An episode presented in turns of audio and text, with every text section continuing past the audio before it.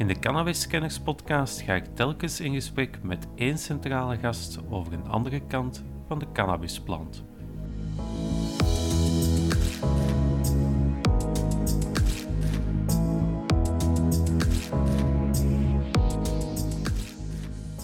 Moet je voorstellen dat voetbalwedstrijden s'avonds niks anders zijn dan de blessures, de gele en de rode kaarten. En de relletjes buiten in en buiten het stadion. Maar nooit vraagt iemand van wat is eigenlijk zo leuk aan voetbal? Waarom juichen die mensen eigenlijk allemaal zo? Hebben mensen het recht om zichzelf medicijnen toe te dienen als andere mensen dat niet als medicijn zien?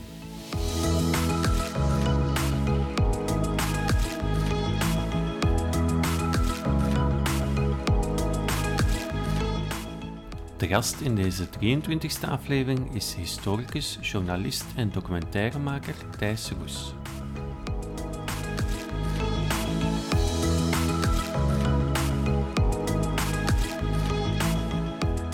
Politiek, de media. Overal horen we dissonante stemmen over het gebruik van cannabis. Tijd om de plant onder een ander licht te houden. Welkom bij Cannabiskenners. Goedemiddag Thijs Roes. Eh, in ieder geval bedankt om tijd vrij te maken voor het interview. Ja, tuurlijk. Eh, misschien kan je jezelf even toch eerst kort voorstellen. Ja. Nou, mijn naam is Thijs Roes. Eh, een beetje what's in a name als je het over Ja, dit onderwerp hebt. Ehm kwam ik gaandeweg ook achter. Ik ben journalist en historicus. En ik, eh, ik heb veel geschreven en ik maak eh, video's, ook online, veel. Over onder andere het drugsbeleid, maar ook ehm, ja, bijvoorbeeld astronomie. is ook een van mijn, van mijn takken Ja. van sport. En op een gegeven moment kwam ik op een, op een soort lijn ehm, van alternatief drugsbeleid. Ik, ik vroeg, stel, begon eigenlijk wat vragen te stellen van... Goh, is er eigenlijk een, een andere manier om het drugsbeleid te, te, doen? En ehm, eh, eh, hoe zou dat er dan uitzien? En toen bleek dat ja, simpelweg het stellen van die vragen al meteen een hele werelden opende die eh, nog, nog, heel, ehm, nog helemaal blanke canvassen waren, leek het wel. Dus daar ben ik, ben ik helemaal ingedoken. Mhm, Oké, inderdaad. Ehm, het onderwerp waar we het vandaag over gaan hebben is cannabis, maar natuurlijk ook ruimer binnen het algemeen roesmiddelenbeleid. Eh, laten we misschien starten met de, de geschiedenis van cannabis. Ehm, Ik las enkele weken geleden een artikel dat men sporen had teruggevonden van cannabis van 12.000 jaar geleden, bij wijze van spreken. Dus dat is een, Ja. een, een, een verre geschiedenis. Klopt. Eh, wat zijn zo de belangrijkste beschavingen die, die gebru- of culturen die gebruik hebben gemaakt van cannabis in het verleden? Ja, het, het, is allemaal gebaseerd op dus eigenlijk dun bewijs. Er zijn veel claims eh, hierover. Het is eh, altijd lastig. Want Mhm. bijvoorbeeld over die 12.000 jaar oude cannabis... die is dan gevonden bijvoorbeeld in de as bij een... ehm, dus as, bij asresten vinden ze dan hennepresten bij bijvoorbeeld een begrafenis. Een, eh, Mhm. in een tombe, een Chinese tombe was dat. Ja. Wat dan de rol daarvan was, dat, dat is dan vervolgens gissen. Dus dan denken ze, ja, het is een belangrijke rol. Maar ja, misschien bij wijze van spreken was Peter Celi dat ook wel. Dus dat is een beetje, soms als je heel erg inzoomt op één onderwerp, dan lijkt het meer dan dat het is. Dus ik, ik, ik, probeer het even, de historicus in mij die wil even voorzichtig zijn. Ja. Ehm, maar je zag bijvoorbeeld wel, wat ik altijd een interessante vond, was in India. Mhm. Ehm, ik, ik heb ook ik, ik heb voor, een cannabismuseum in, eh, in Amsterdam gewerkt. Daar ben ik Ja. eens ingedoken wat voor culturen er nou precies waren die het gebruikten. Toen zag je in India dat er heel interessant in verschillende steden eigenlijk verschillende cannabisculturen waren. Waarbij in de ene stad, dat, dan hebben we het over ehm, ongeveer 4000 jaar geleden. Ja. 3, 4000 jaar geleden. Ehm, dat in eh, sommige steden was het meer een elite, eh elite middel. En in andere steden was het juist weer heel erg iets voor het volk. Ehm, en in een andere stad werd het weer ontzettend opgejaagd. Wat ehm, dus eigenlijk verboden door een beetje de, de morele powers that be. En eh, dus eigenlijk vanaf dat moment wordt al duidelijk, van ongeacht het bewijs dat er is, zie je dat cannabis al een bepaalde plaats heeft eh, op, op verschillende manieren. Mhm. En dan heb je, dan is eigenlijk, dan heb je het over de, de, de rookbare, ehm zullen we maar zeggen, gewoon eigenlijk het THC-gebruik van cannabis, om het zo maar te zeggen. Want als je het hebt over hennep, gewoon als het, Mhm. eh, als het gewas, ja, dat, dat was zo wijd verspreid, dat dat, dat was, was eigenlijk niet eens een, eh, ehm, niet eens echt een ding of zo. Het was eh, bijna zoals tarwe of katoen, of het, het kende gewoon zijn eigen markten. Mhm. Ehm, eh, waarbij het waarbij nog hele grote industrieën in, in Rusland en, en, en de lage landen zijn ontstaan. Mhm. Zo aan het moet ik, als ik in Nederlandse termen spreek, eind Gouden Eeuw, maar um, dus zo rond 1700, zeg maar. Ja. Um, uh, zo rond 1700 was er eigenlijk een hele brede industrie die, uh, waarbij hennep werd gegroeid in Rusland.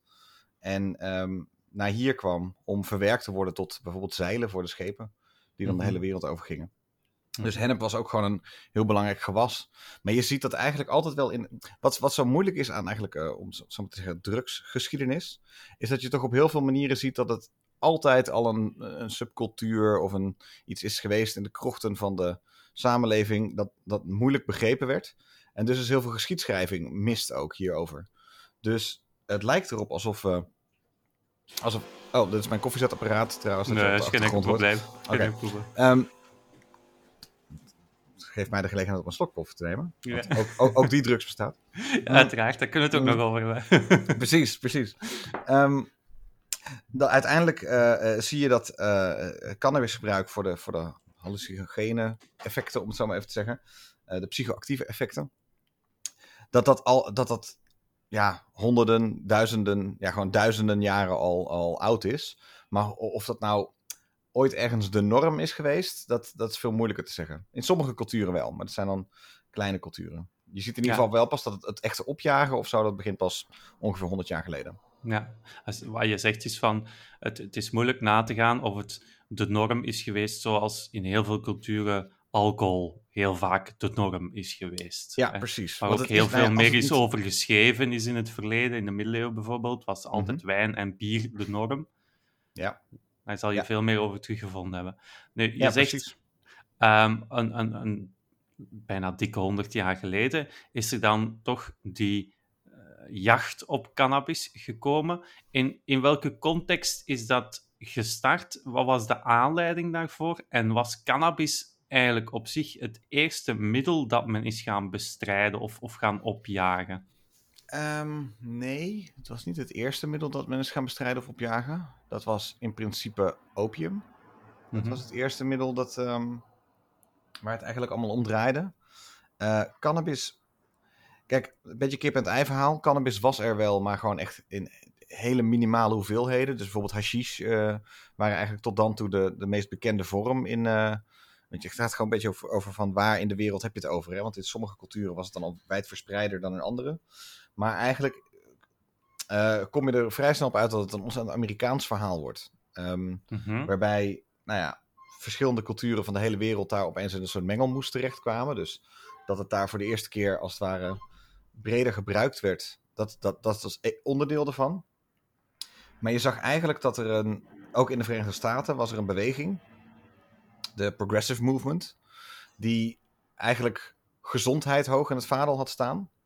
En um, met campagnes begon om ja, dat, bijvoorbeeld ook alcohol te verbieden. Dat zat eigenlijk in dezelfde, in dezelfde morele strijd, om het zo maar te zeggen. Van we zijn een, een nieuw, beter volk aan het worden. We moeten eens naar de moderne nieuwe tijd toe. Hoort daar niet ook bij dat we, uh, dat we alcohol verbieden? En wat, wat, um, wat ik interessant vond in de Verenigde Staten is dat er dus ontzettend veel alcohol werd gedronken. Het, gaat, het moet nog even over alcohol gaan, want zo, ontstond, zo ontstond die beweging eigenlijk een beetje. Ja. Um, heel veel van die immigranten die daar kwamen wonen, die, uh, die zopen zich helemaal te pletter. En um, er zijn ook interessante boeken over volgeschreven. Maar dat was een van de aanleidingen dat er dus zo'n zo'n beweging kwam om dat misschien tegen te gaan.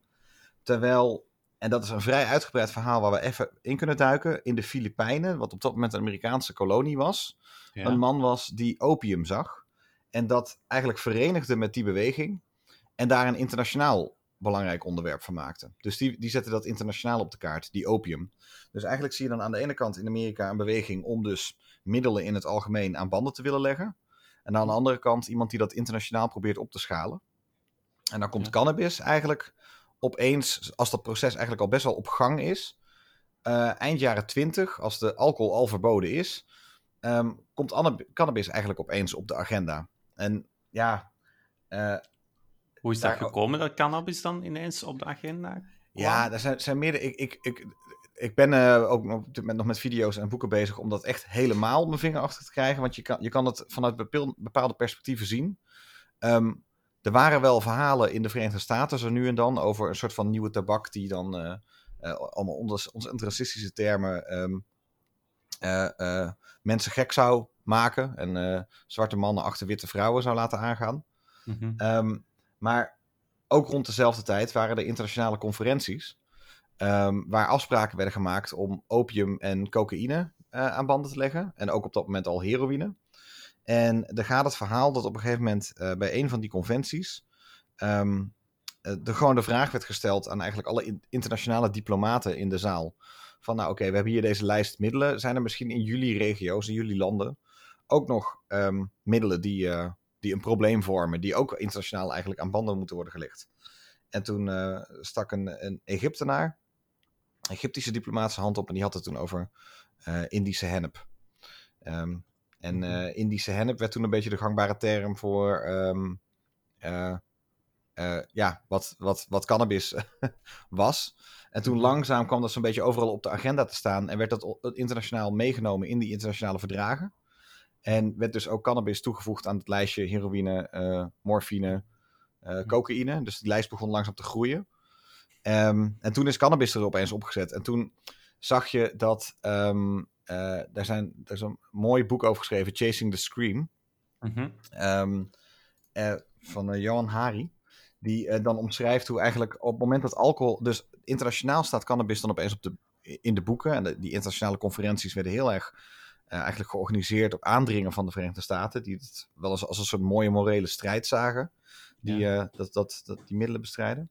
Um, en dat als het eenmaal in de boeken staat. Dus toen het eenmaal in de boeken stond, die cannabis, toen het op de lijst stond, heeft eigenlijk de politie toen, toen alcohol weer langzaam weer mocht in de Verenigde Staten, toen dat weer decriminaliseerd werd, om het zo maar te zeggen. Toen uh, de drooglegging daar voorbij was. Um, toen uh, zijn eigenlijk al die agenten, in plaats van dat ze alcohol gingen uh, bejagen, zijn ze opium, morfine en cannabis gaan bejagen. Dus dat eigenlijk, het systeem is op dezelfde plek gebleven voor prohibitie, voor dat verbieden van die alcohol, wat dus in de jaren twintig in de Verenigde Staten gebeurd is. Maar de agenten zijn gewoon andere middelen gaan bejagen. Mhm. En de lijst van verboden middelen is steeds langer geworden, gaandeweg de eeuw. Mm Omdat je zegt van, uh, eigenlijk is het toevallig, ja, bij wijze zoals je het letterlijk zegt, een Egyptenaarse, een Egyptische diplomaat steekt zijn hand op, uh, ja. cannabis is hier een probleem. Uh, ik veronderstel dat er destijds nog geen sprake was van wetenschappelijke onderzoeken of onderbouwing van eh, die stelling door de Egyptenaar. Nou, die was het toen uh, niet en nu nog nauwelijks. ja, Kijk, ja. Wet, wetenschap vind ik ook altijd. Um, ik ik uh, heb mezelf ook al lange tijd wetenschapsjournalist genoemd, omdat ik toch ook de wetenschappelijke methode graag volg. Mm -hmm. Maar je mhm. merkt in het drugsdebat eigenlijk heel vaak dat als je hele slechte vragen stelt, dan kan je misschien ja. wel wat wetenschappelijke antwoorden op hele slechte vragen krijgen. Ah ja, kan je um, een voorbeeld geven? Nou, kijk, bijvoorbeeld bij cannabis is heel erg lang uh, bijvoorbeeld alleen maar onderzoek gedaan naar de slechte. Uh, was er alleen maar funding beschikbaar als je de risico's en negatieve kanten ervan beschreef. Ah, okay. En dus als je een onderzoek opzette, was het altijd in de trant van hoeveel jongeren hebben ja. Uh, nou ja, psychoses gekregen. Belangrijke ja. vraag. maar als dat dan decennia op een gegeven moment, decennia lang, de enige vragen zijn die je stelt, hoeveel mensen gebruiken het meer dan één dag? Hoeveel doen het? Dan zijn dus ja. andere vragen als goh, hoeveel geld gaat er naartoe um, en hoeveel levert dat eigenlijk daadwerkelijk op in verminderend gebruik? Of uh, goh, uh, hoeveel mensen gebruiken het eigenlijk, zeggen dat ze het medicinaal gebruiken, maar worden niet erkend door hun dokter? En wat moeten we met die vraag? Allemaal andere interessante vragen die je ook zou kunnen stellen.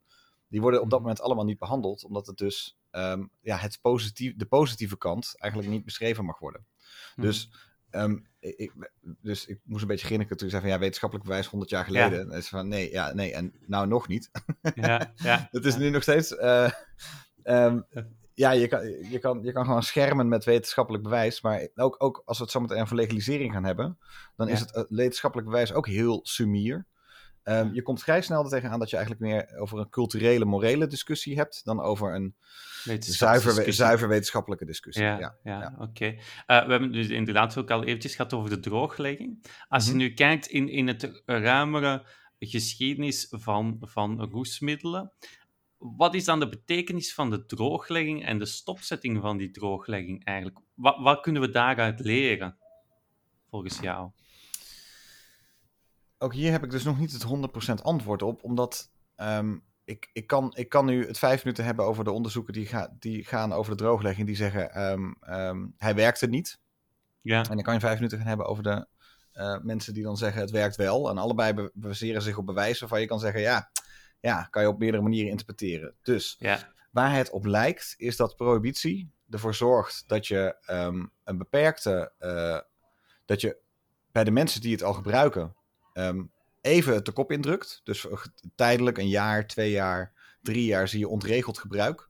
En dan um, hebben andere netwerken de vraag weer ingevuld. En heb je eigenlijk een hele lijst nieuwe problemen erbij gekregen. Dus, um, en is de kwaliteit van het middel omlaag gegaan, maar de sterkte omhoog. Dus is het, is het bijvoorbeeld, iedereen ging uh, whisky drinken in plaats van light bier. Dus je krijgt allemaal innovatieve oplossingen over met fruitsmaakjes en zo. Aan je bier, of weet ik veel, als je, ja, welke IPA ja. je wil ontwikkelen. Dat doe je niet als het, als het illegaal is. Dan wil je gewoon de, um, het sterkste middel. Dus iedereen was slechte whisky aan het drinken. Want Ja. je wil gewoon het sterkste middel voor de laagste prijs. En dat zie je bijvoorbeeld bij crack nog steeds. Dat zie je bij crystal meth, zie je dat nog steeds. Dat zie je bij heroïne ten opzichte van opium nog steeds. Dat dus eh, het illegaal maken van het zachte middel, om het zo maar te zeggen, ervoor zorgt dat mensen naar het hardere middel grijpen. Ja, dat is inderdaad iets wat je inderdaad bij heel veel roesmiddelen terugziet. Hè? Je zag dat absoluut. ook inderdaad tijdens de Ja. drooglegging, dat dan de moonshine kwam dan op, of hoe heet het? Eh, de cocktails, eh, de, dat je het eigenlijk moest gaan versnijden, omdat het te sterk werd, bij wijze van Ja, spreken. het werd te sterk. Ja. Ja, ja. Er waren er ook wel in die jaren, de drooglegging heeft ook wel andere wijze lessen geleerd, zoals ehm, je moet niet je eigen bevolking willen vergiftigen om ze te ontmoedigen om alcohol te gebruiken. Want dat is gebeurd. De Amerikaanse overheid die heeft op een gegeven moment een, een plan, onbevallige plan gehad om ehm, een of andere stof toe te voegen. Ik moet even het naam weer opzoeken. Die, eh, die ervoor zorgde dat er uiteindelijk twee- 220 mensen zijn overleden. Om, Ja. En dat was dan om te ontmoedigen dat ze alcohol gingen drinken. En Nou, dat, Ah, dat is oké. dus een hele domme. En Ja. dat, dat heeft het ook opgeleverd. Ehm, en even over de lange termijn. Want het, het, het, het ontregelt, dus prohibitie ontregelt dan het gebruik. Alleen vervolgens is het dus heel moeilijk te zeggen waarom mensen wel of niet gebruiken. Je kan zeggen dat prohibitie er niet voor zorgt dat het stopt. Maar je kan, je kan, er valt echt wat voor te pleiten dat je zegt dat het lager is, het gebruik. Dus dat iets minder mensen het uiteindelijk misschien ertoe geïnitieerd worden dan wanneer het op billboards langs de kant van de weg staat. Dus bijvoorbeeld alcohol, wat in onze samenleving toch ontzettend eh, gepromoot wordt via sportwedstrijden en allerlei ja. zulke dingen, wordt echt wel meer gedronken, denk ik, omdat het gepromoot wordt en openlijk bij de supermarkt ligt. Dat, dat kan je wel zeggen. Alleen ehm, dat je het vervolgens met, ehm, met het verbieden ervan en dan het mensen eh, straffen ervoor het gebruik, uiteindelijk het niet naar nul brengt, dat is dan ook weer duidelijk. Dus het is een soort. De vraag is uiteindelijk hoeveel resources wil je er nou precies opzetten om dat gebruik naar nul te krijgen? En wat richt dat aan in je samenleving? En is dat niet erger dan het gewoon toestaan van het middel?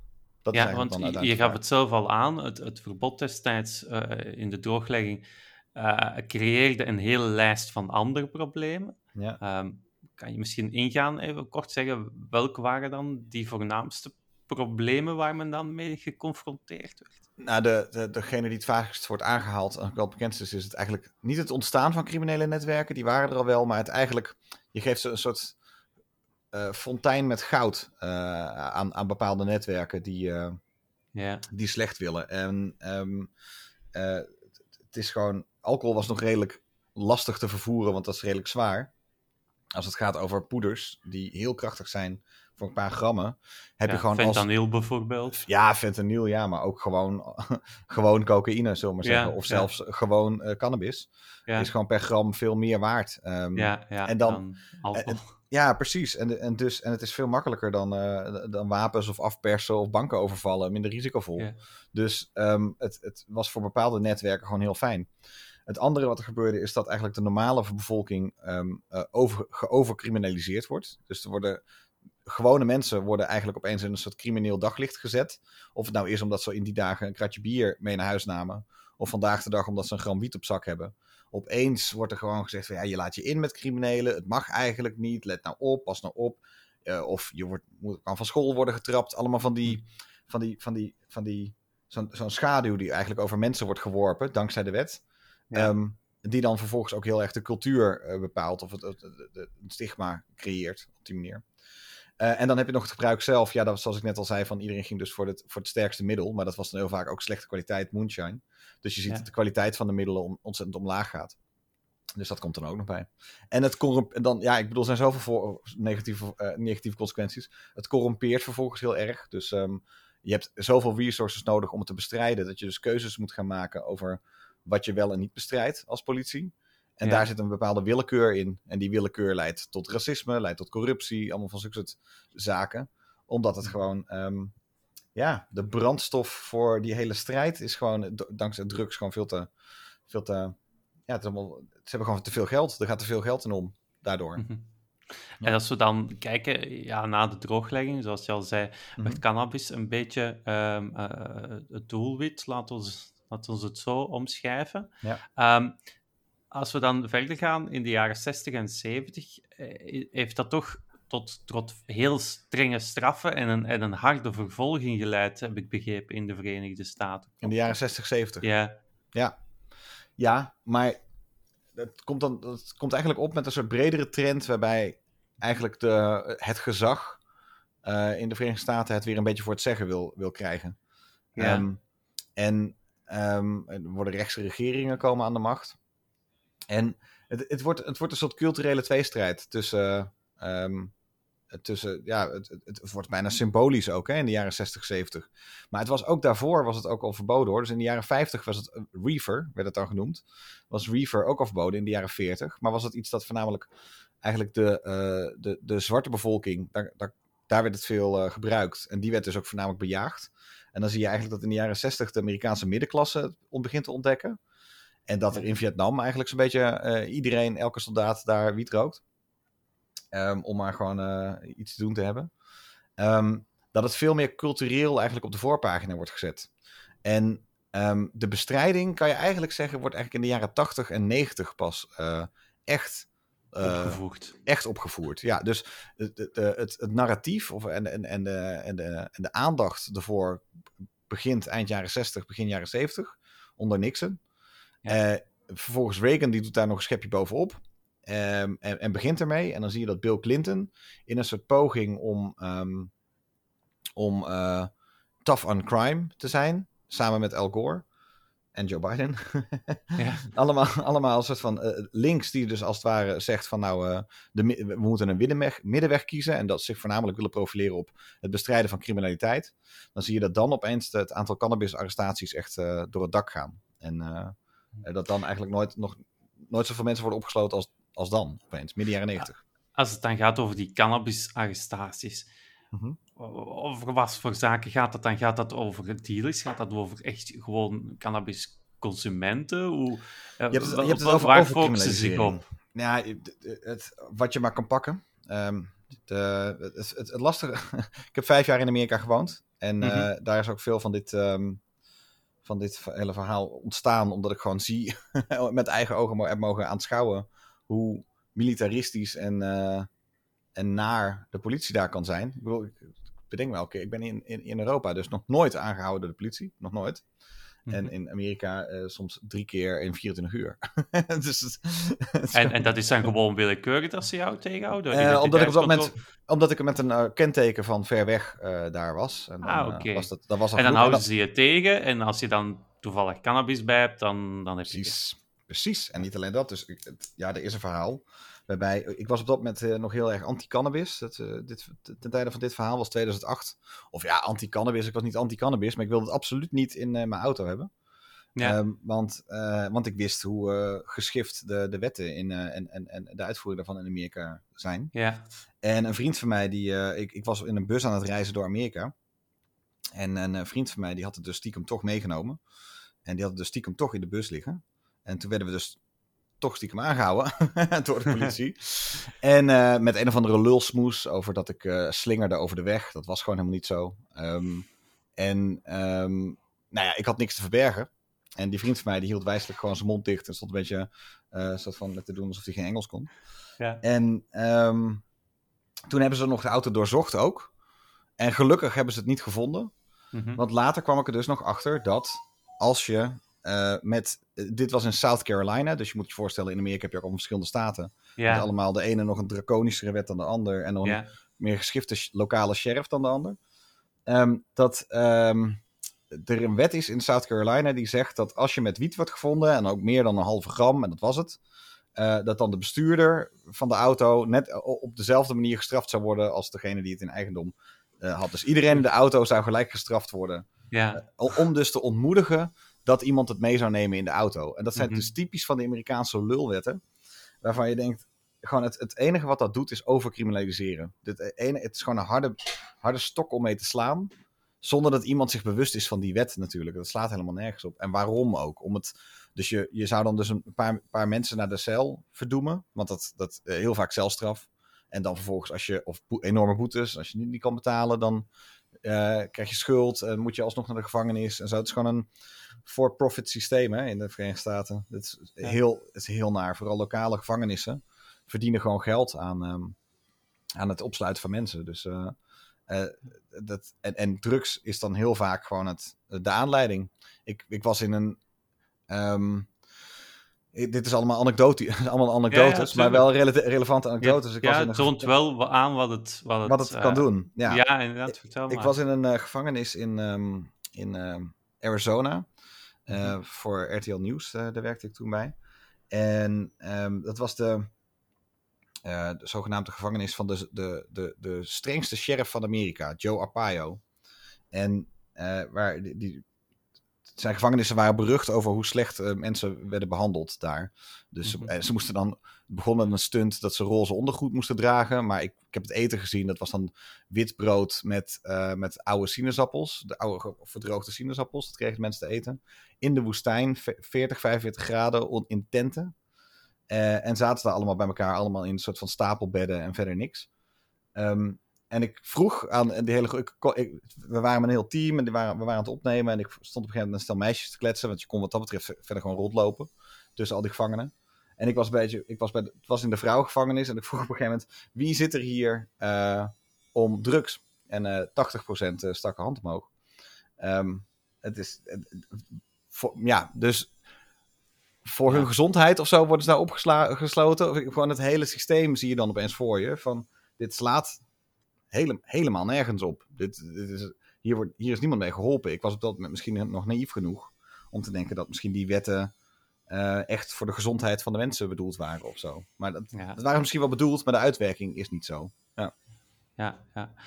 Um, je vertelt daar inderdaad een aantal uitwassen van die, van die jacht op, op, op cannabis, of drugs in het algemeen.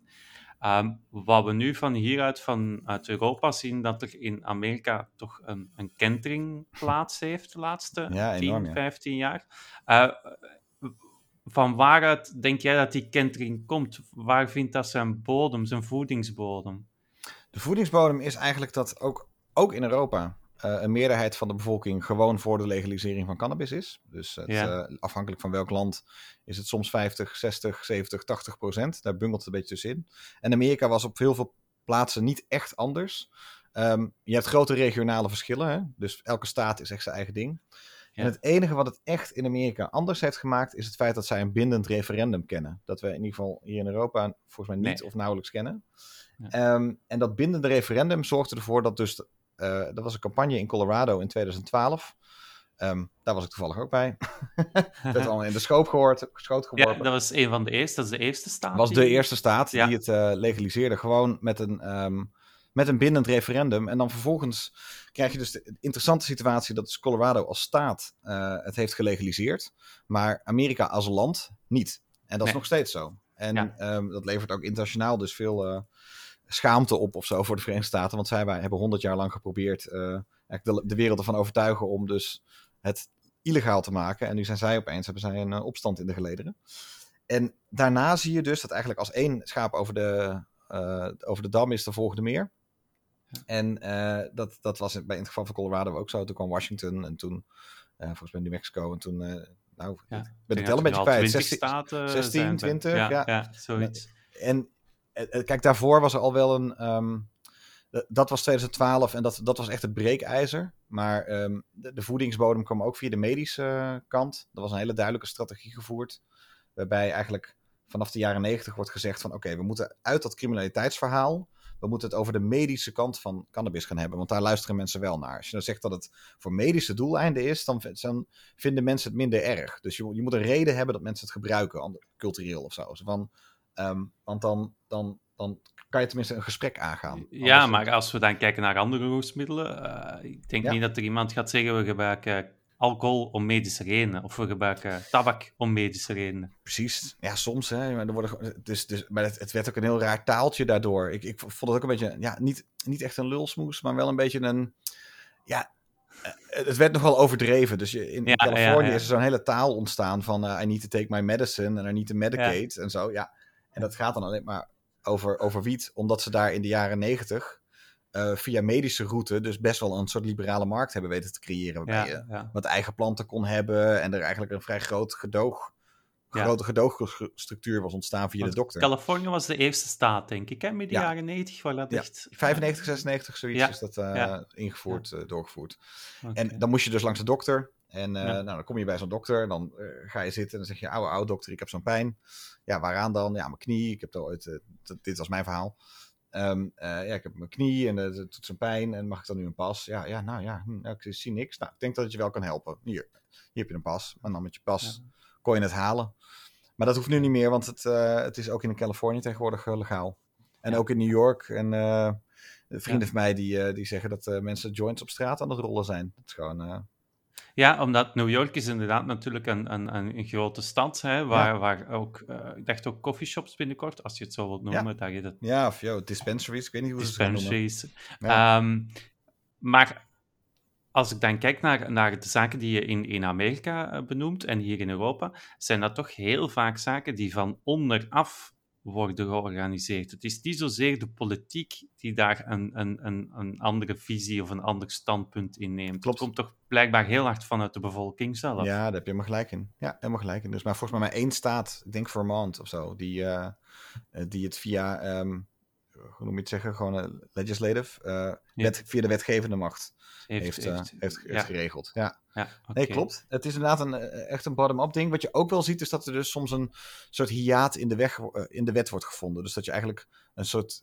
rechterlijke uitspraak krijgt ergens. Of mm het is ook een vorm van bottom-up, inderdaad. Een rechtszaak beginnen ergens. Of een, ja, en dan tot het hoogste gerechtshof geraken en dan bij wijze van spreken. En dan toch iets, een klein detail veranderen, waardoor er dus iets meer kan ontstaan daarna. Of gewoon uitproberen, net zolang dat je wel of niet vervolgd wordt. Ja. Um, want inderdaad al over de, de staten binnen, binnen uh, de Verenigde Staten die legaliseren. Uh, mm -hmm. Federale legalisering of decriminalisering slash regulering zie jij het op korte termijn gebruiken om, gebeuren? Omdat je zelf aangaf, Joe Biden heeft toch in het verleden ook meegedaan aan die tough on crime.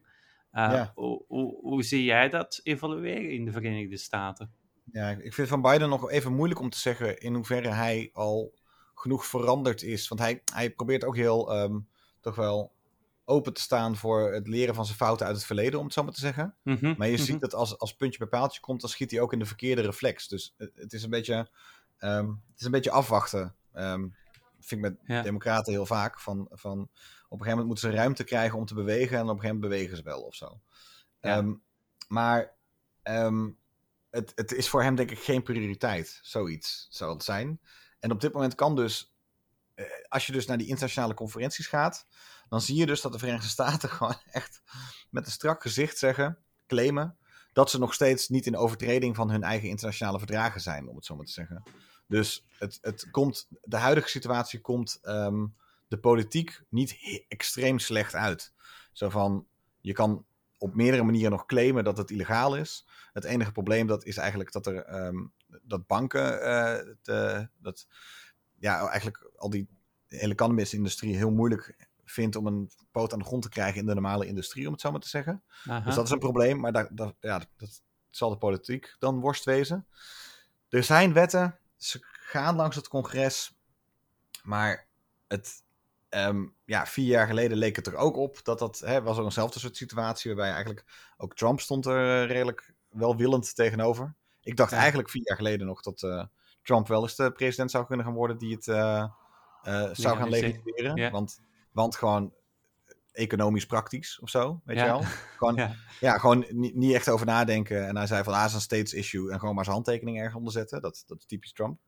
En nu Joe Biden, die gaat natuurlijk helemaal wikken en wegen en er een, ook een, een politiek machtsspel van maken. Dus ik, ik um, ja, ik weet niet. Ik, uh, ik, ik, voor, voorlopig denk ik dat het eerder gaat om lokaal eigenlijk verder gaan en zorgen dat als het ware door de praktijk van alle dag die internationale verdragen wat minder strikt uh, worden, waardoor landen gewoon meer de ruimte voelen om te doen waar ze zin in hebben.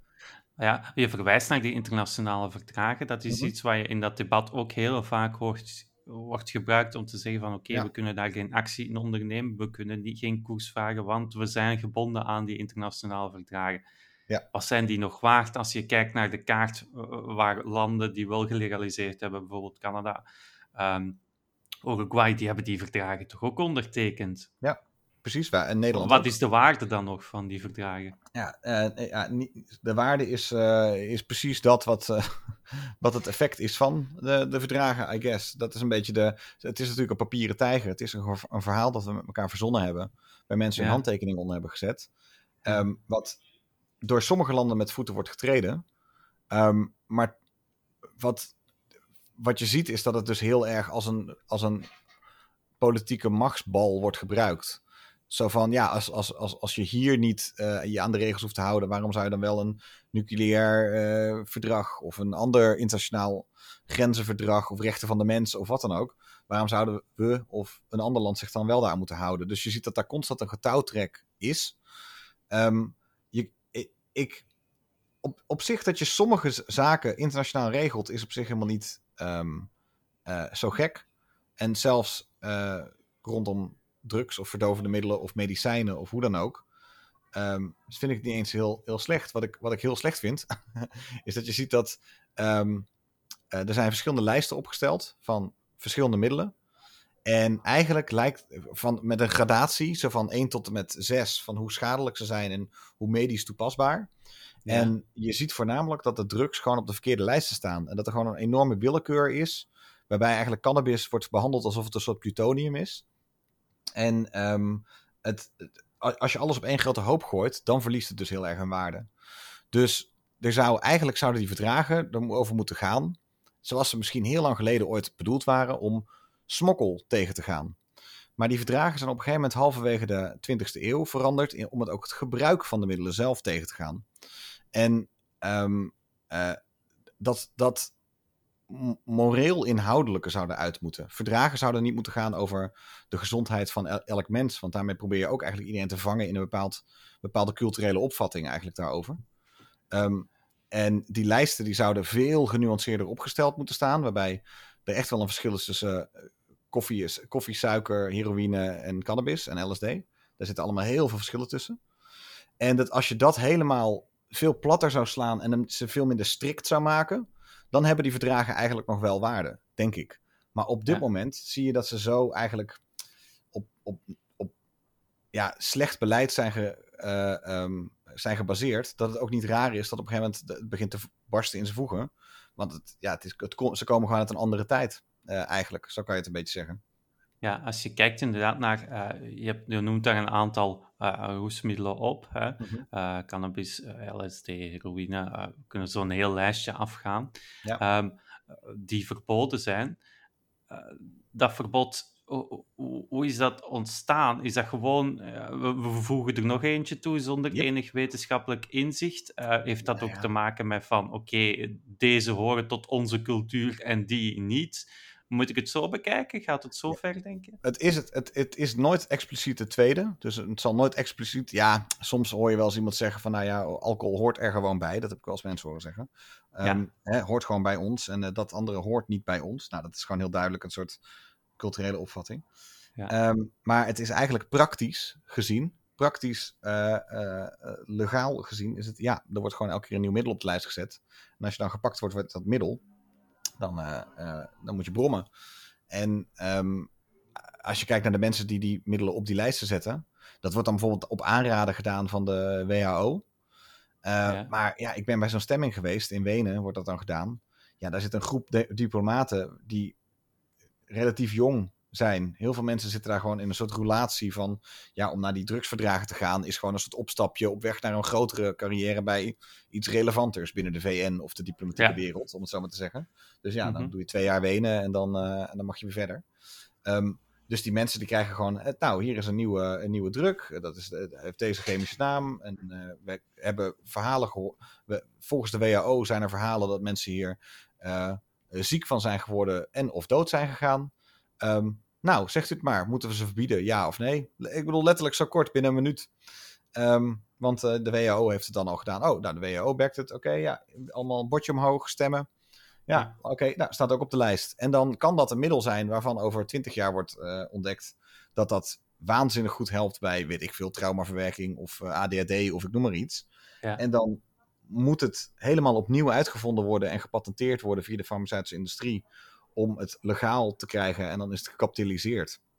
En dan is de oorspronkelijke middel dat eigenlijk prima werkte, uh, extreem illegaal gemaakt en kost het zoveel moeite om het weer van die lijst af te halen zoveel energie en zoveel gedoe en geld.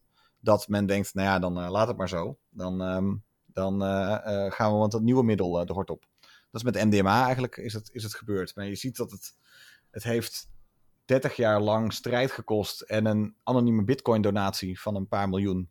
En toen is het gelukt, nu is, is het aan het lukken om MDMA eigenlijk geaccepteerd te krijgen. Maar ja, het zal nog steeds jarenlang illegaal gebruikt uh, worden. Als mensen geen het, het blijft een hele moeilijke kwestie. Van, mogen mensen, hebben mensen het recht om zichzelf medicijnen toe te dienen, als andere mensen dat niet als medicijn zien?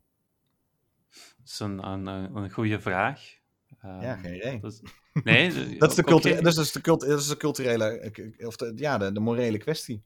En ja. eigenlijk een, een belangrijk ding, er is een mooi boek een keer over verschenen, um, de, uh, over de, uh, eigenlijk de opkomst van de medische beroepgroep eind 19e eeuw. Dat, uh, eeuwenlang waren doktoren eigenlijk gewoon kwakzalvers, want wat wisten ze nou helemaal? En pas toen eigenlijk wetenschappelijke kennis opkwam in de 19e eeuw, um, werden doktoren eigenlijk gerespecteerde mensen die echt daadwerkelijk wonderen wisten te verrichten op een gegeven moment.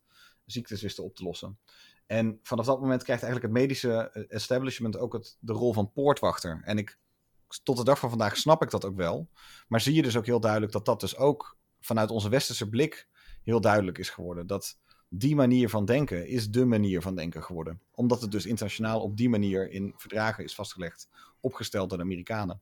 En um, ik, ik denk.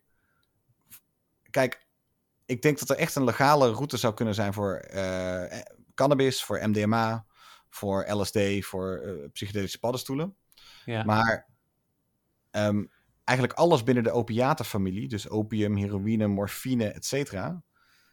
Ja, ik, alle, alle enge verhalen over drugs, om het zo maar te noemen, zijn in het geval van opiaten eigenlijk waar. Want ze zijn, het zijn wondermiddelen. Als je heel veel pijn hebt, dan kan je er echt opeens weer, dankzij die middelen, kan je weer leven. Als je, je hebt opeens geen pijn meer. En je kan weer verder met je leven. Maar je krijgt direct eigenlijk een afhankelijkheid ervan. Dus uh, je moet ja. direct eigenlijk al meer gaan gebruiken om hetzelfde effect te bereiken. En daarna moet je perfect weten wat je dosering is. Want als je dat niet doet, nou dan, zoals zoveel acteurs en celebrities, word je op een gegeven moment doodgevonden in je kamer. Als je niet weet wat je aan het doen bent. En dat je daar dus regels voor hebt. En dat je, daar, dat je dat op een bepaalde manier probeert te reguleren. Dat lijkt mij in onze moderne samenleving heel normaal.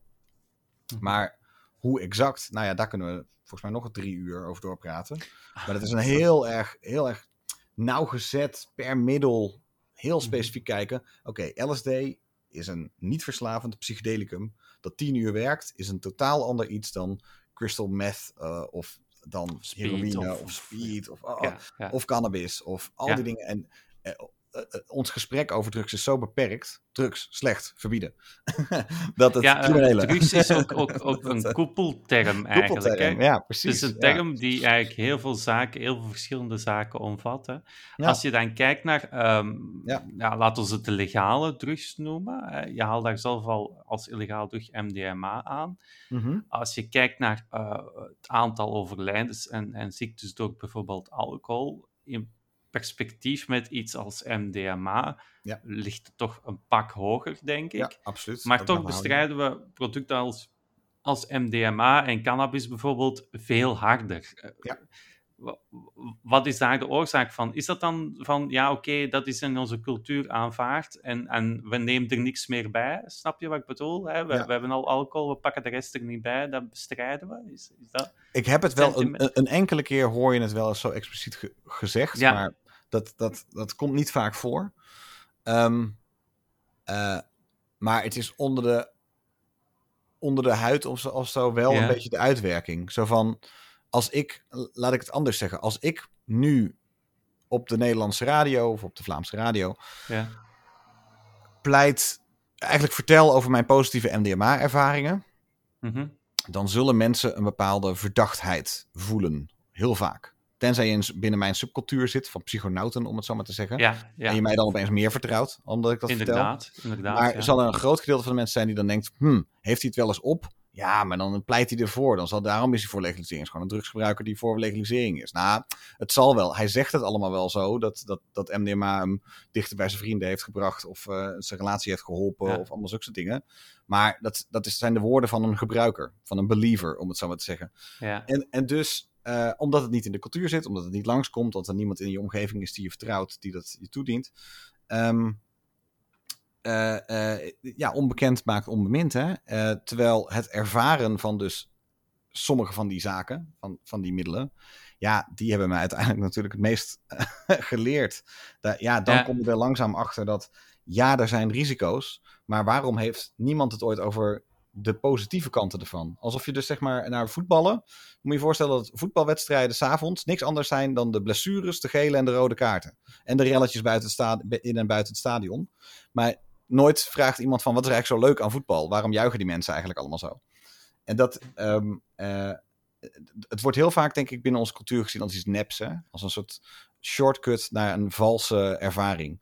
Dansen en met mensen eten is een echte ervaring. Uh, drugs nemen is een nep-ervaring.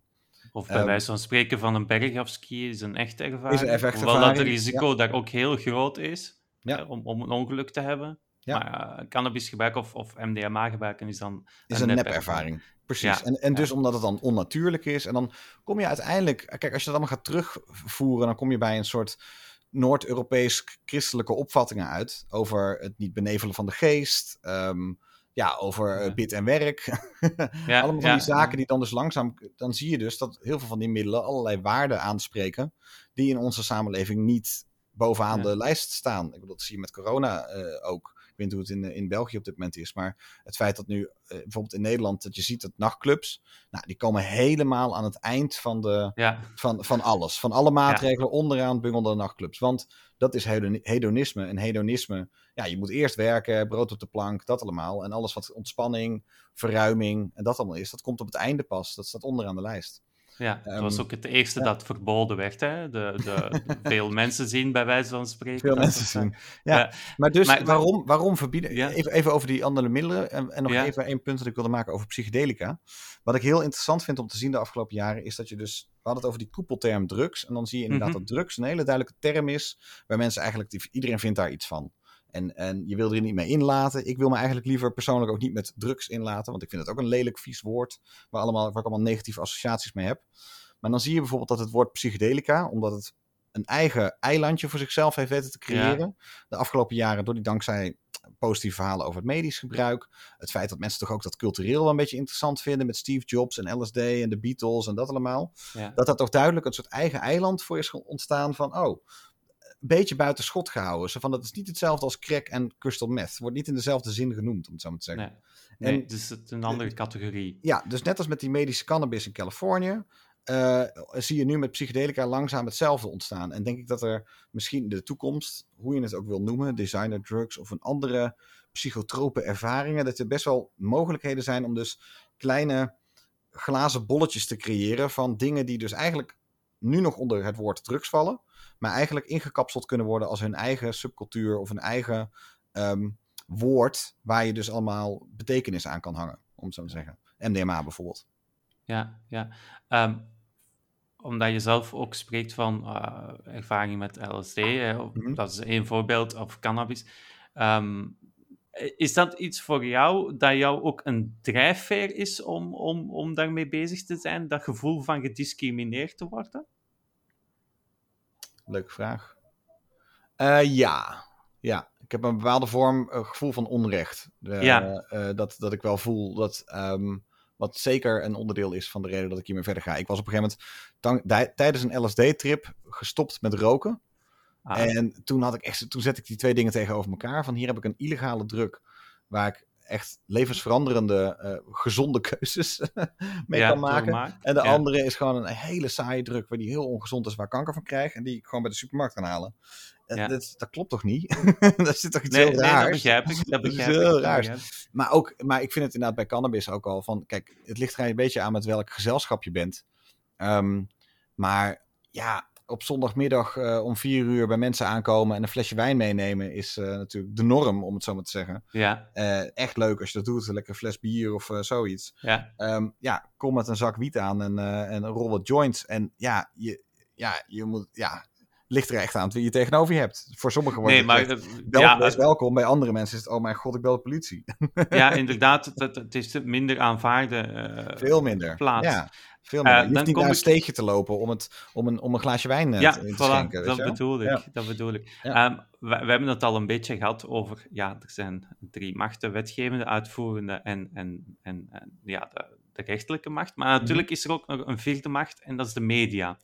en uh, naar mijn aanvoelen speelt die ook een grote rol in, in, in heel dit cruciale, debat. Ja, cruciale, cruciale rol. Ja. Hoe, hoe ervaar jij dat de media met het thema roesmiddelen en dan ook specifiek cannabis omgaat? Dat zij het in beeld brengen? Dus, eh, ik ken alleen Amerikaanse en Nederlandse vooral. Ja, ja. Um, kijk, in het geval van cannabis kan je wel zeggen dat er ook daar een eigen wereld rondom ontstaan is. Dankzij Amerikaanse cultuur de Amerikaanse tegenbeweging. Snoop Dogg en uh, alles wat daar eigenlijk aan vast zit, hele hip-hop cultuur. Maar dat heb je in Amerika wel meer. Daar komen bijvoorbeeld meer. bekende mensen voor uit dat ze cannabis gebruiken. Absoluut. Ja, dat heb je hier Terwijl dat ik dat hier in België nog niet snel zie gebeuren. Absoluut niet. Nee, nee, nee. wij zijn veel strakker op de norm, veel minder op. Uh, uh, op het individuele of zo. Nee, celebrities doen het daar absoluut. Maar ook bijvoorbeeld zoiets simpels als een hele mooie cannabiswinkel. Dus ook in, in Nederland was het al jarenlang verkrijgbaar. Maar ja, gedoogd. Dus altijd een beetje grijs gebied en een beetje morsig nog steeds. En dan zie je dat in de Verenigde Staten ja, gewoon een neonbord met quality drugs. En prachtig achter glas met mooi verlichte uh, cannabis toppen. Ja, dat is gewoon een totaal andere manier van van, van, van daarnaar kijken. Maar goed, dat is niet. Eh, en dan zie je vervolgens. Ik kan me nog herinneren dat niet eens heel lang geleden, zes jaar geleden of zo, de eerste stokfoto's uitkwamen. Van. Uh, dus, dus dat zijn dan foto's die je dan in kranten of magazines kan gebruiken van mensen die wiet roken. Die dus niet een capuchon op hebben en een, en een vies jointje. Maar gewoon heel net vrouwen in een mooi. Ja, precies. Echt uh, zichtbaar licht. En de media, om het zo maar te zeggen, Um, media zijn over het algemeen vrij conservatief. Hè? En nieuwsmedia zijn gewoon zo kort, kortzichtig uh, dat, dat, dat diepere ontwikkelingen niet zo goed worden gezien, niet goed worden herkend. Maar er wordt heel vaak gewoon: oké, nou, uh, cannabis, daar ken ik, uh, dit is het eerste wat in me opkomt. Dan zal het wel ongeveer zoiets zijn. Dan gaan we daar nu naar op, zoeken, op zoek en dan brengen we dat in beeld. En dan zie je dus altijd een beetje dezelfde hoek, hetzelfde perspectief tegenover iemand die er eigenlijk liever niet over wil praten. Want als hij herkenbaar in beeld komt, dan zien zijn ouders en collega's dat hij ja. cannabis rookt. Ja. Dus um, soms als journalist zijnde ook, vind ik het heel moeilijk bijvoorbeeld. Ik ben nu een documentaire aan het maken en ik moet heel veel mensen blurren. En dat vind ik vreselijk. Want op het moment dat ik een balkje voor mensen in ogen doe, van, zo'n, van vaagheid of zwart, ja. dan worden ze crimineel. Dan worden ze gewoon, of je voelt niet met ze mee, want je kan ze niet in de ogen kijken wanneer ze een dramatisch verhaal vertellen. En dat komt dankzij de criminalisering. Dus het is een ontzettende catch-22, want je wil eigenlijk die mensen een stem geven en laten zien welk onrecht ze wordt aangedaan. Maar tegelijkertijd wil je ze niet in gevaar brengen. En dus kost het heel veel ja, ik heb bijvoorbeeld als ik geanimeerd, dat we het gezicht helemaal lopen animeren, om aan die mensen een persoonlijkheid te geven. Ja. En dan zie je dus dat het voor media veel makkelijker is om het makkelijke verhaal te vertellen en niet het moeilijke. En dan ook, ja, ik heb op redacties ook al gehoord, gewoon dan kom ik met, kwam ik met een verhaal, het spook nog wel eens door mijn hoofd, dat ik dan heel relevant vond. Waar, uh, waar komt de hash vandaan? Uit Marokko. Dat gewoon al ja, decennia lang alle coffeeshops in, in Nederland worden voorzien van hash uit Marokko. Dus dat er ja. enorme lijnen staan. Voor miljarden, weet je wel, inmiddels is dat verkocht in de loop der jaren. Maar dat dan uh, op de redactie wordt gezegd, ja, dat is zo'n niche verhaal. Zo'n niche verhaal. En dan denk ik alleen maar ja, vanuit jouw perspectief. Want voor Marokkaanse jongens in, uh, in, in, in, in bepaalde wijken is het helemaal geen niche. Dan is het gewoon hun handel. dus ja. op, op, het moment dat het over neergeschoten mensen gaat en dat allemaal willen mensen het wel horen. Maar als je dan echt met een verhaal komt van binnenuit, moeten mensen heel erg veel moeite doen om de, om de waarde ervan in te zien. Want ja, drugs zijn of crimineel of grappig of het negeren waard. Dat Denk je dat, om, omdat je zegt, eh, we, we criminaliseren uh, cannabisgebruikers of druggebruikers in het algemeen, denk je dat, dat de overheid of ja, de overheden wel een, een, een realistisch beeld hebben van hoeveel cannabis er wordt gebruikt in een bepaald land? Want als het illegaal is, gaat ook niet iedereen er vooruit komen natuurlijk. Nee, precies. Ik, ik, als ik Bart de Wever zijn tweet het zie, dan denk ik dus ook... Ehm, hij vertelt tijd een eenzijdig verhaal op een bepaalde manier. Dat ik denk van ja, hij hangt natuurlijk ook niet op vrijdagavond met een stel gamende jongeren uh, lekker bij elkaar. Hij, hij, hij ziet geen mensen studeren op zondagmiddag in de koffieshop in Amsterdam. Dat zijn gewoon van die. Gewoon, hij, hij kent de cultuur niet. En, uh, en dat zie je voor, voor heel veel politici. Als je gewoon vanuit je eigen perspectief werken wil bashen dan ja, is dat ook vrij makkelijk. En ik, misschien herkennen wij, jij en ik dat ook wel van bepaalde dingen waar je het mee oneens bent. Als je onbekend, als je onbekend is, dan is het heel makkelijk om de kritiek op te leveren. Um, en zal toch. Ik, ik, het is wel grappig. Mijn, mijn broers zeiden wel eens: van ben je niet alleen maar. Aren't you preaching to the choir? Ben je, ben je niet alleen maar voor eigen parochie aan het prediken? En ik, ik had zoiets van ja, op zich. Uh, voelt het soms wel als je, als, je, als je dus over druk schrijft, dat voornamelijk mensen die het er eigenlijk al mee eens zijn het lezen. Maar je ziet dat heel veel mensen gewoon bang zijn om überhaupt in die kerk te zitten, om het zo te zeggen. De gewoon, ja. preaching to the choir, but the choir ain't singing, weet je wel. Ja, het, het, koor zingt helemaal nooit, want die durven niet. En dus eh, als, als, als zij niet durven, dan durven de media, of dan hebben de media ook niks om mee te werken. Ehm, dus eh, ja, een van, van de lastige dingen is, je hebt een soort coming out nodig om uh, het te destigmatiseren. En dat je ziet aan de, bijvoorbeeld uh, de homoseksualiteitsbeweging, om naar meer rechten, homo, homorechtenbeweging, zie je dat, um, uh, dat coming outs enorm cruciaal zijn geweest. Uh, bekende mensen die zeiden van nou, dat, dat hoort ook bij mijn levensstijl. Ja. Uh, dat ik, om het te normaliseren. En dan zie ja. je dus van uiteindelijk is het dus een, gewoon, het wordt ook een culturele discussie. Want ja, je, ik, ik vind dat iedereen het recht heeft om over zijn eigen lichaam te gaan. Uh, daar, komt het, daar begint en daar eindigt het, deze discussie volgens mij mee. Maar als je inderdaad je zegt, oké, iedereen heeft het, dan komen we misschien nog als laatste een beetje bij de actuele, meer actuele politiek rond, mm -hmm. hè, hoe dat politici daarover praten in België en in Nederland. Um, je ziet in, in, als het dan gaat van iedereen heeft zijn recht op zijn eigen lichaam te doen wat hij wil, een, een zeer liberale gedachte. Hè? Maar die zien we dan toch in Nederland, denk ik, en ook in België niet vertaald door die politieke partijen die die gedachten voorstaan als het gaat over het drugsdebat. Ja en nee. Um, eigenlijk de, de enige liberale partij die moeilijk doet in Nederland is VVD. Ja. Um, maar dat komt omdat de VVD een, um, eigenlijk nergens voor staat. okay, het is eigenlijk, ja. het is, de VVD is veel meer ze hadden misschien tien jaar geleden nog wel een, een, soort verhaal dat ze inmiddels al lang hebben uitgevoerd. Van over wat de rol van de overheid is en dat allemaal. Maar je ziet in de afgelopen jaren dat zeker op het cannabisdossier is het niks anders dan zuivere machtspolitiek. Dus ze zijn mm -hmm. niks anders dan eigenlijk de touwtjes in handen. En als, het, als, er, als er politiek geschaakt kan worden met bepaalde stukken van waarde, dan, dan kan dat. Dus het is zuiver politiek wisselgeld. En um, het, het interesseert ze niet. Ze willen zich er niet hard voor maken. Ze willen het voornamelijk net zo lang tegenhouden. Enige verandering tegenhouden. Totdat ze die verandering kunnen inzetten als politiek wisselgeld op een ander dossier.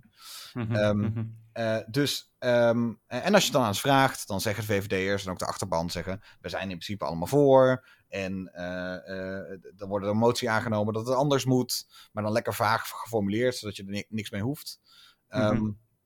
En, en, en, dan na lang wikken en wegen, omdat ze dus, omdat anders een andere partij, D66, niet mee wilde doen. De vorige keer zie je dat een experiment in tien gemeenten, klein, Het slaat Ja, nergens op waarom. bescheiden. Ja, en bescheiden, want dan moet dan, eh, er wordt niet eens geformuleerd wat dan eigenlijk het experiment onderdeel is. Er moet alleen maar gekeken, waar, gekeken worden, kan je legaal cannabis verkopen? Nou, dat is een stupide vraag, want dat kan gewoon. Dat kunnen we toch gewoon. Dat, dat, kan gewoon. dat dat weet je op voorhand al. Ja, dat dat kan, Ja. want dat wordt al legaal gekweekt in Nederland als medicinale eh, druk. Ja, En het wordt gedoogd verkocht. En dat snappen we ook al.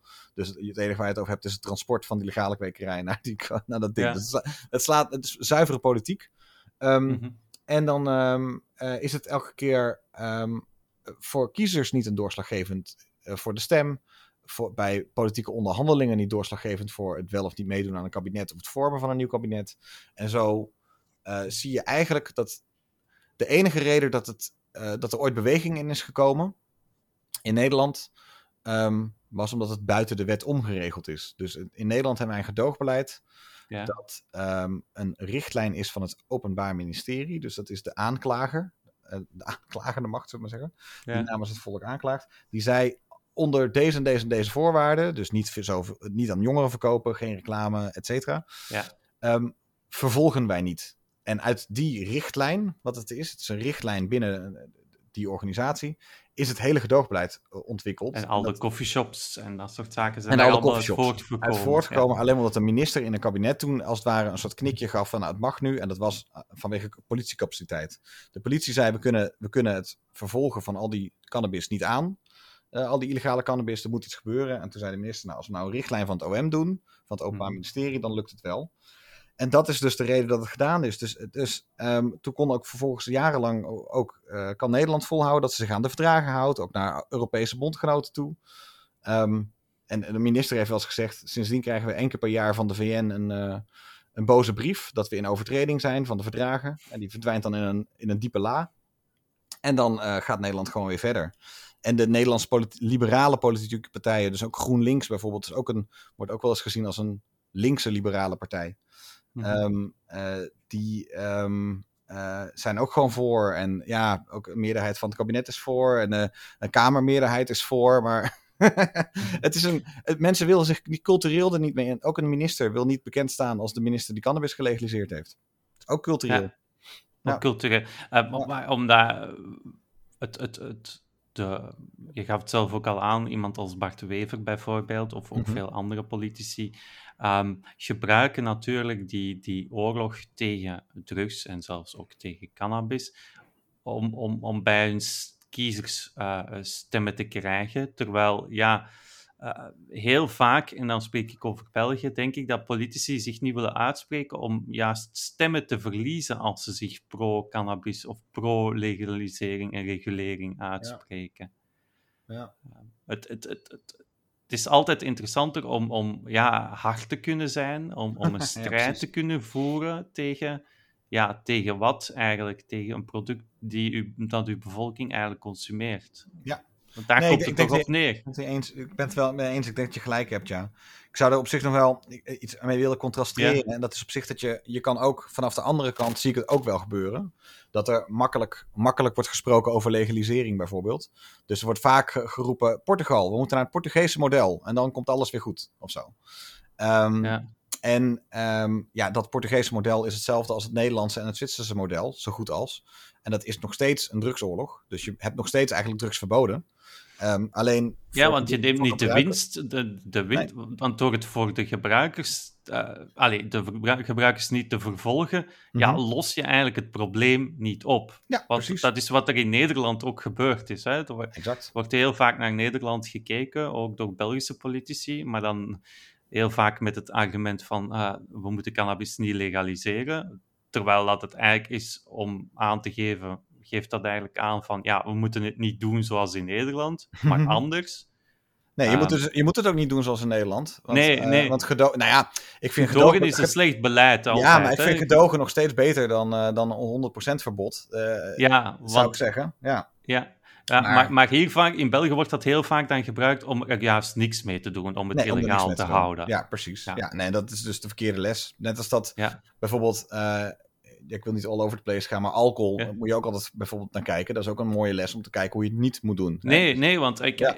heel vaak, en ik heb al heel veel gesprekken gedaan, interviews gedaan, en er is niemand, zowel van gebruikers als ehm, criminologen, als toxicologen of economen. Er is niemand die zegt, morgen moet het in de supermarkt liggen gelijk alcohol. Maar in het hoofd van veel politici zijn er maar twee opties. Illegaal of de supermarkt. Ja, of vrijgeven. Ja, of ja dat heb ik ook, heb ik ook eens gehad in een interview van, bij een uh, wat meer conservatief radioprogramma. Ook inderdaad van, nou, werd mijn, werd mijn standpunt samengevat als... Oké, dus jij wilt het vrijgeven. Ik zou, hè? Heb ik hier nou net tien minuten lopen uitleggen dat... Nee, ik wil het niet vrijleggen. Ik wil juist dat er goede regels komen. Regels in plaats van zijn. nee.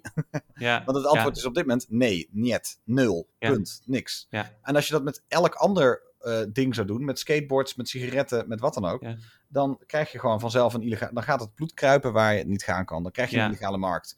En er zijn eigenlijk nauwelijks andere zaken te bedenken die zo verboden zijn als drugs. Behalve echt, echt andere chemische middelen of zo. Hè? Maar um, kijk, de kernvraag, en daar hebben we het nauwelijks over gehad. ja? De kernvraag is uiteindelijk, is, ja, is uiteindelijk uh, toch hoe schadelijk zijn die middelen nou eigenlijk? Want alles, alle, alle gekheid op een stokje, je kan er eindeloos over kletsen.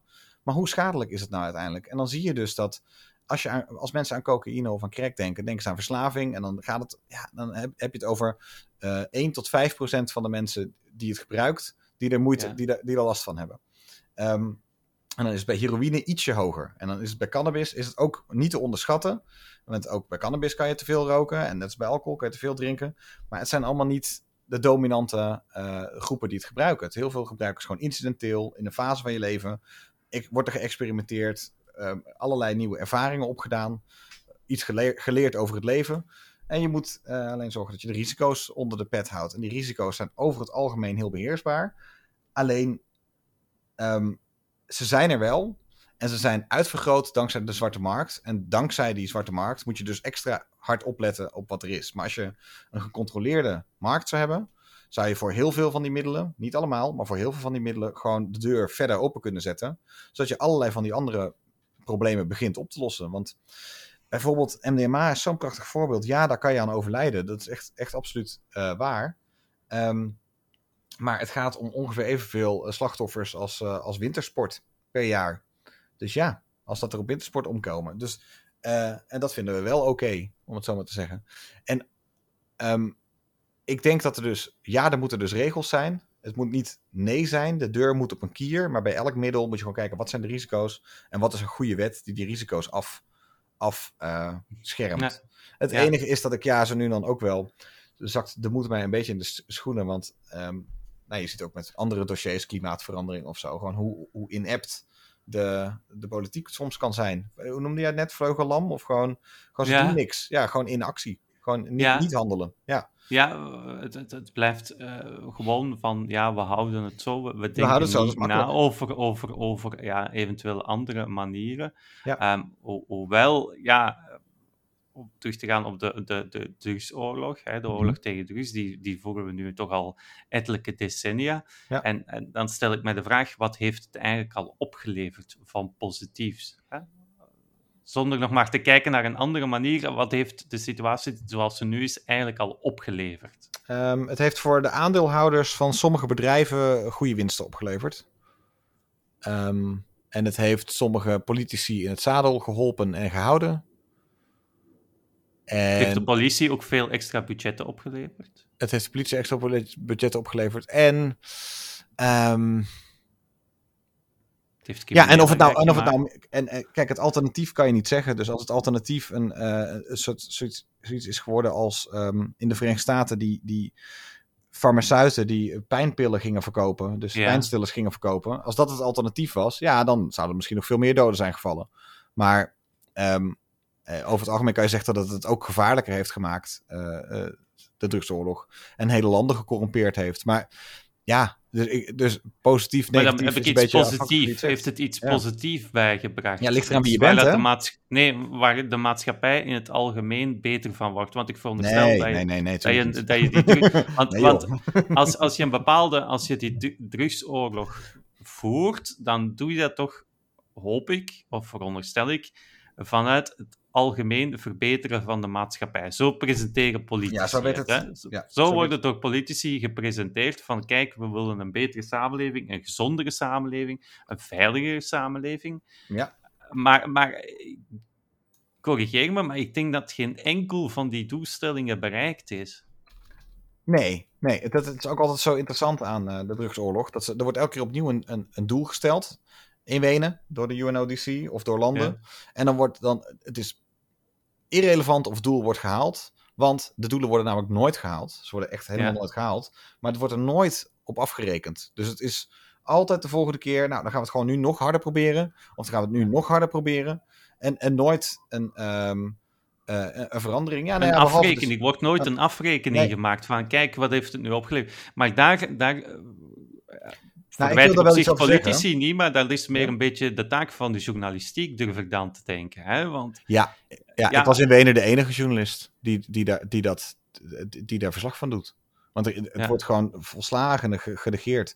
En het leuke daarvan is wel, als journalist zijnde, of als ja. uh, historicus zijnde, is dat als je er dus vragen over begint te stellen en er iets mee wil doen, dat je dus binnen no time eigenlijk hele, um, een hele grote rol voor jezelf kan opeisen, om het zo maar te zeggen. Want de dossiers zijn allemaal zo onbeschreven. Dus dan ben ik zo bezig over het begin van de drugsoorlog. En dan kom ik er gewoon achter van, wauw, er zijn gewoon geen boeken, echte boeken over geschreven, behalve door uh, christelijke um, uh, historici rondom een figuur die dan heel belangrijk was daar. Ja.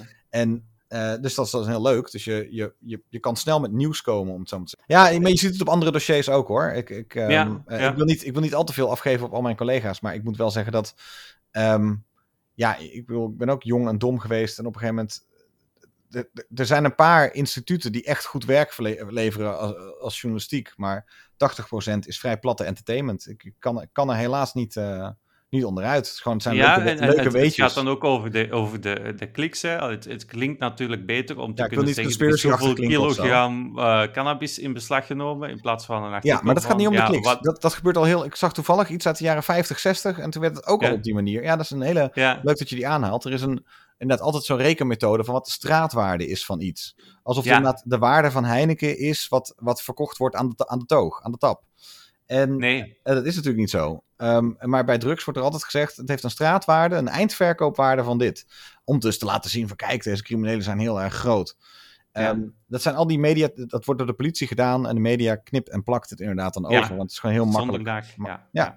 En de harde vragen worden niet gesteld, omdat dus, ja, ik heb het bij ons ook wel gemerkt, maar ik, ik, ik, heb, ik heb een tijd voor Vice gewerkt. En uh, mijn Vice-collega's in Amerika, wat ik heel inspirerend vond, was dat ze het onderwerp journalistiek op een gegeven moment gewoon serieus namen. Dus eigenlijk, um, ik had een beetje geleerd vanuit Nederland: van je negeert het of je lacht erom. Dat is een beetje toch te druk zijn. Of haha, grappig, hij heeft drugs genomen. Of eigenlijk niet zo boeiend. Uh, en uh, om het gewoon eens een keer serieuze, goede vragen erover te stellen. Hele domme, simpele vragen. Wat is verslaving eigenlijk? Zijn drugs allemaal hetzelfde? Wat is het verschil tussen heroïne en morfine? Ja. Allemaal van die hele simpele vragen die dan, waar, dan ja, waar het antwoord extreem moeilijk en extreem diffuus op lijkt. Um, en dat, uh, um, uh, die vragen worden nooit gesteld. En dan moet ik zeggen, dat is niet drugs eigen hoor. Want uh, als je klimaatverandering volgt, dan zie je nog steeds dat het ook domheid troef is. En dat ja. mensen of journalisten nauwelijks het, naar het grote plaatje kijken, maar alleen maar naar wat de politiek nu weer voorgesteld, of dat wel of niet werkt. Um, en niet. Um, uh, ja, voor 2015 ging het gewoon niet over klimaatverandering bij ons. Nee. Voor Parijs in de media. Uh, zo, zo slecht, maar dat was wel de realiteit. Ik wil nog even die. Je had toen straks iets gezegd, en ik denk dat dat nog wel even een, goede, ja, een goed voorbeeld is van, uh, van hoe het beleid dus wordt gevormd. Er zijn tal van zulke voorbeelden, maar um, op een gegeven moment, 10, 10 15 jaar geleden, de, werd er speelde het debat ook. Want het debat komt in cycli de hele tijd terug over drugs. Ja. Het zal ook niet ophouden zolang de, de war on drugs nog uh, bezig is. Um, en toen heeft de Nederlandse regering een, um, een rapport toen uit laten schrijven. Uh, over die verschillende lijsten. Van wat ik eerder eigenlijk al zei, van die, die, die drugs allemaal op de verkeerde lijsten. En zou je daar niet anders mee om moeten gaan? Daar hebben ze een onderzoek naar gedaan. En daar kwam dan van een commissie van wijze mannen, kwam daar dan, want volgens mij waren het voornamelijk mannen, um, die, die, uh, die hebben dan, moesten dan advies uitbrengen uit de, aan, de, aan de regering. En dan komen ze dus met de volgende passage over MDMA. Dus ik, ik lees het even voor, zijn twee alinea's. Het middel MDMA, beter bekend als ecstasy, staat op lijst 1 van de opiumwet. Ten aanzien van dit middel blijkt uit steeds meer onderzoeken dat vooral de schade voor de gezondheid van het individu op de langere termijn minder ernstig is dan aanvankelijk werd aangenomen. dus lijst 1 het staat op de zwaarste staat in ieder geval onder de zwaarste middelen. Dit zou ervoor kunnen pleiten om de plaatsing van MDMA op lijst 1 van die opiumwet te heroverwegen. Maar, zeggen ze, ten aanzien van dit specifieke middel speelt volgens de commissie vooral de maatschappelijke schade een belangrijke rol.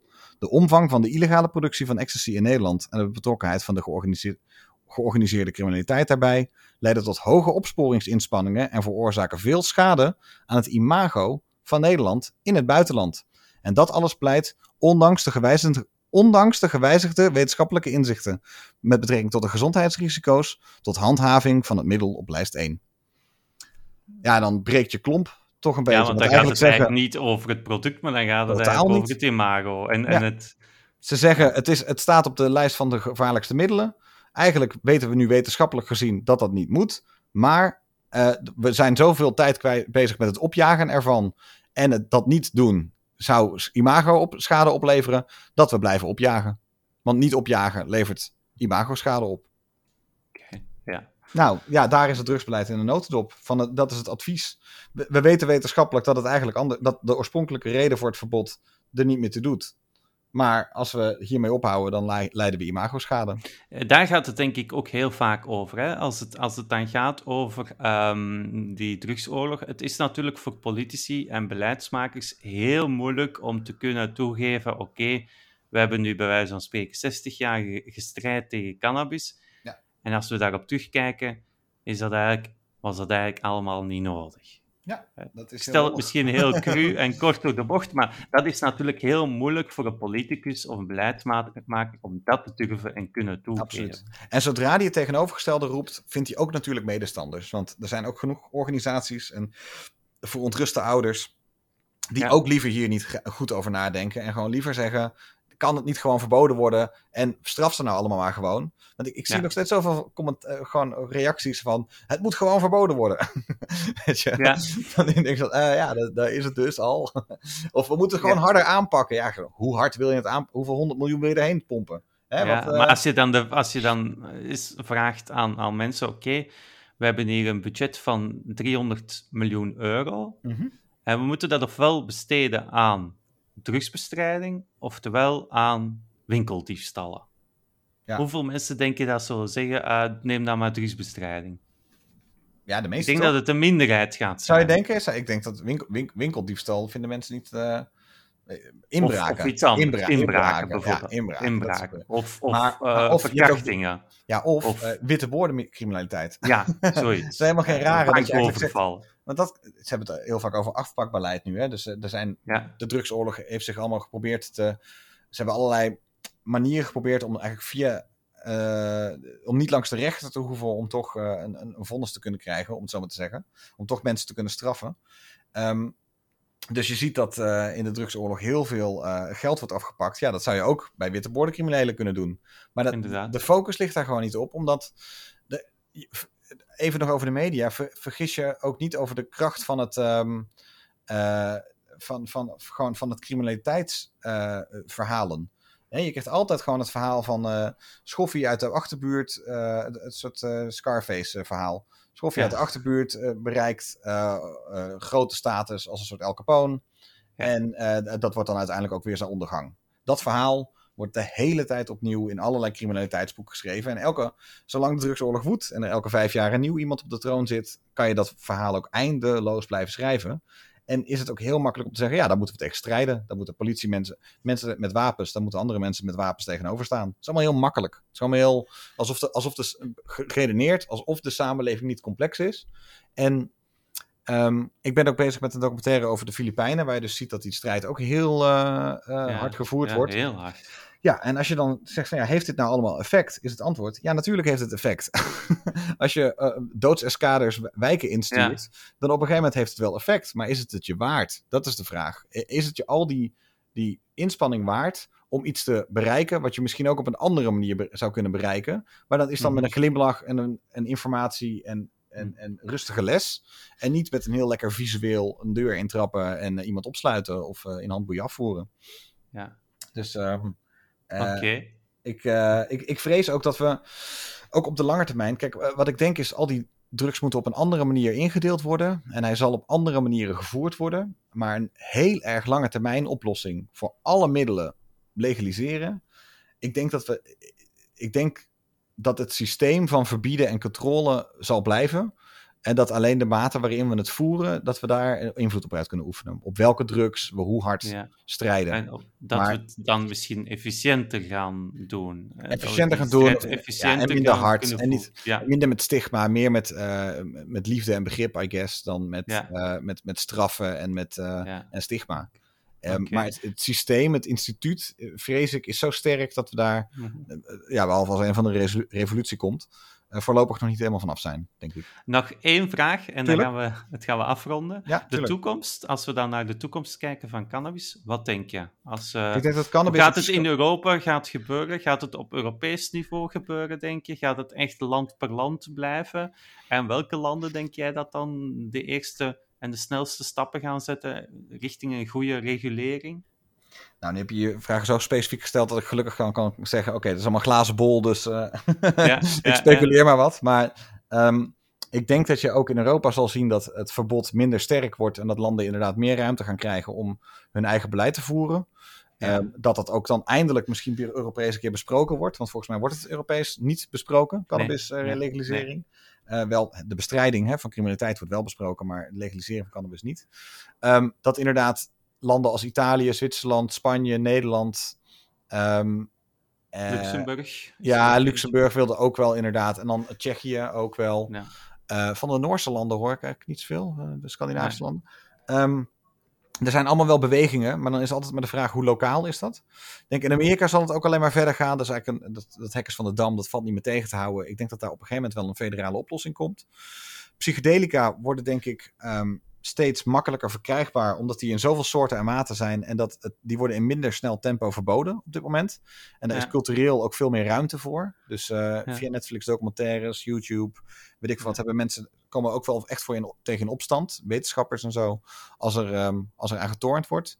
Um, en ik denk dat de realiteit van het internet nog steeds ervoor zorgt dat eigenlijk alle drugs nog steeds extreem makkelijk verkrijgbaar zullen zijn. Dus dat, het, ja. dat de realiteit op de grond nog de komende decennia ten alle tijde anders blijft dan de, de politieke realiteit. En de politieke ja. realiteit die zal als een mammoetanker heel langzaam maar gekeerd worden, met denk ik veel regionale verschillen.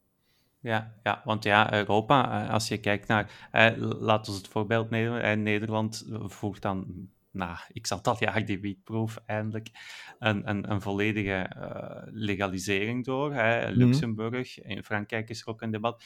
Ja, natuurlijk. Ja, Frankrijk is ook interessant, hè? Ja. ja, daar vrees ik een beetje. Hè. Je hoort heel veel landen rondom België waar er toch beweging in zit, behalve in België zelf, merk ja, ik. Is België blijft heel hard stilstaan op dat ja. vlak. Ja, ja, Terwijl nou dat onze minister van Justitie twintig jaar geleden nog een joint was ook in de Senaat. Serieus? Dus, ja, onze huidige minister Vincent van Quickenborn heeft twintig jaar geleden gezegd: als ik, de, als ik senator word, dan rol ik een joint in de, ja, in de wow. Senaat. En nu nou. is hij minister van Justitie en hij doet er geen enkele uitspraken over. En op het moment dat hij stopt, dan is hij opeens weer voor. Dat, uh, ja, ik ben waarschijnlijk. Uh, be betrokken bij een stichting waar ook allemaal oud-Nederlandse bewindslieden in zitten. Ja. Die uh, ook ja, allemaal op het moment dat zij de ja. uit de Kamer stappen of uit het kabinet stappen, zijn ze enorm ja. voor. En zijn ze blij dat ze eindelijk zich erover mogen uitspreken. Want ze mogen zo'n mond erover houden. Oké, okay, ik wil in ieder geval bedanken. Voor, ja, graag gedaan. Goeie vraag, man. Ik... Bedankt Thijs Roes voor dit uitgebreide gesprek. En uw luisteraar hoor ik graag binnenkort terug voor een nieuwe aflevering van de Cannabis Kenners podcast.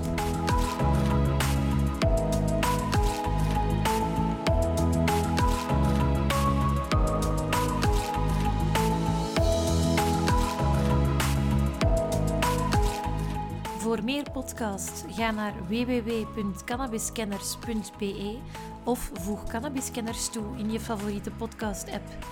Heb je een vraag of wil je graag iets delen? Mail dan naar info.cannabiskenners.be.